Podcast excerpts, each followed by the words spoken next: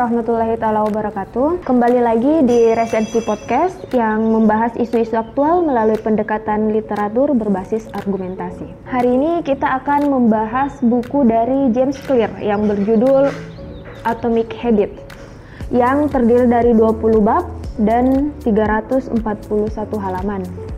Buku ini diterbitkan pada tahun 2018 yang diterjemahkan ke bahasa Indonesia oleh Alex Tri Kancono Widodo yang diterbitkan pada tahun 2019.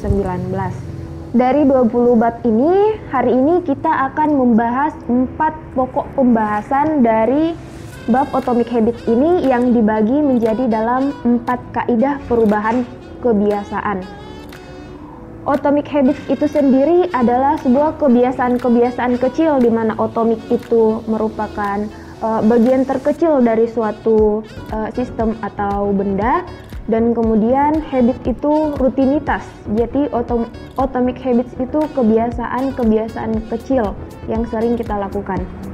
Mungkin sebagian dari kita akan bertanya mengenai bagaimana sebuah kebiasaan kecil itu akan mempengaruhi kita ke depannya. Bagaimana kebiasaan-kebiasaan kecil yang kita bangun dari sekarang akan memberikan dampak yang sangat besar bagi kita untuk ke depannya. Sebagian besar dari kita, jika ingin mencapai sesuatu, kita akan berfokus pada hasil. Kita akan berfokus pada hasil, pada hasil yang akan kita capai.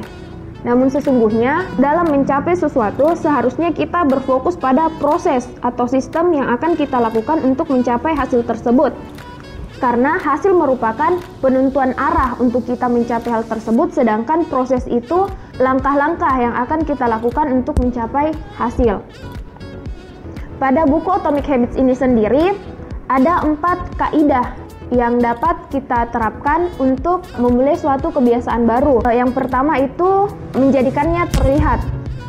Kita uh, menjadikan kebiasaan-kebiasaan itu terlihat dengan cara membuat nilai untuk setiap kebiasaan seperti uh, kita akan membuat daftar dari semua kebiasaan yang kita lakukan sehari-hari.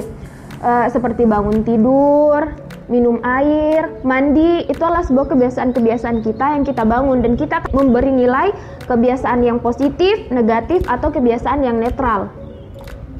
Dan kemudian dari kebiasaan-kebiasaan itu kita akan memilih yang mana kebiasaan yang akan kita implementasikan untuk mencapai hasil yang akan yang ingin kita raih. Namun jika kebiasaan kebiasaan baru yang ingin kita lakukan itu susah untuk kita lakukan, kita dapat menumpuk kebiasaan itu sendiri seperti kita akan membuat planning. Jika saya bangun tidur, saya akan saya tidak akan langsung membuka sosial media. Mungkin saya akan melakukan peregangan terlebih dahulu atau olahraga itu untuk kesehatan saya. Kemudian, yang dapat dilakukan untuk membuat kebiasaan yang ingin kita lakukan itu terlihat memberikan petunjuk di lingkungan kita. Seperti kita ingin memulai kebiasaan untuk membaca. Jika kita ingin memulai kebiasaan untuk membaca, jangan taruh buku kita di rak buku yang mungkin berada di ruang tengah atau di tempat-tempat yang sulit kita jangkau. Tapi taruhlah buku tersebut di samping tempat tidur yang yang mananya uh, biasanya kita kalau mau tidur bisa mengambil buku tersebut setidaknya kita dapat membacanya satu hari dua atau tiga lembar. Dan kaidah yang kedua itu menjadikan kebiasaan itu menarik. Kita membuat sebuah kebiasaan itu menjadi sesuatu yang menarik untuk kita lakukan. Seperti kita akan melakukan sesuatu kebiasaan yang kita ingin lakukan, kemudian melakukan kebiasaan yang kita perlukan, yaitu kebiasaan yang harus kita lakukan untuk mencapai hasil itu. Seperti kita ingin menonton. Ketika kita ingin menonton, uh, kemudian setelahnya itu kita akan melakukan kebiasaan yang kita perlukan seperti olahraga. Setelah melakukan olahraga karena kita ingin fokus kita itu ingin menjadi sehat ke depannya seperti itu. Namun apabila kita melakukan sesuatu namun sulit apabila kita melakukan hal tersebut sendiri, maka bergabunglah ke suatu kelompok yang melakukan hal tersebut. Mungkin seperti di resensi yang apabila yang sekarang ini fokusnya orang kebanyakan itu untuk CPNS ya mungkin sebagian dari kita itu sulit apabila belajar sendiri. Nah di resensi membuka resensi institut bagi uh, kita yang susah belajar sendiri kita dapat bergabung di sini untuk belajar bersama-sama membahas soal sehingga itu akan menjadi acuan untuk kita berkumpul bersama orang-orang yang lain dan belajar bersama. Selanjutnya itu menjadikannya kaidah ketiga itu menjadikannya mudah. Seperti tadi kita harus menyiapkan lingkungan yang mendukung kebiasaan kita agar kebiasaan-kebiasaan kecil itu dapat dioptimalkan yang nantinya akan berdampak besar untuk mencapai hasil yang ingin kita raih. Menjadikannya mudah salah satunya itu seperti tadi,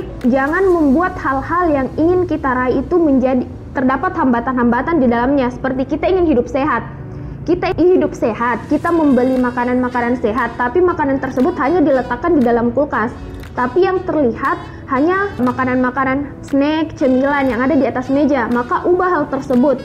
Taruhlah makanan-makanan sehat tersebut di meja.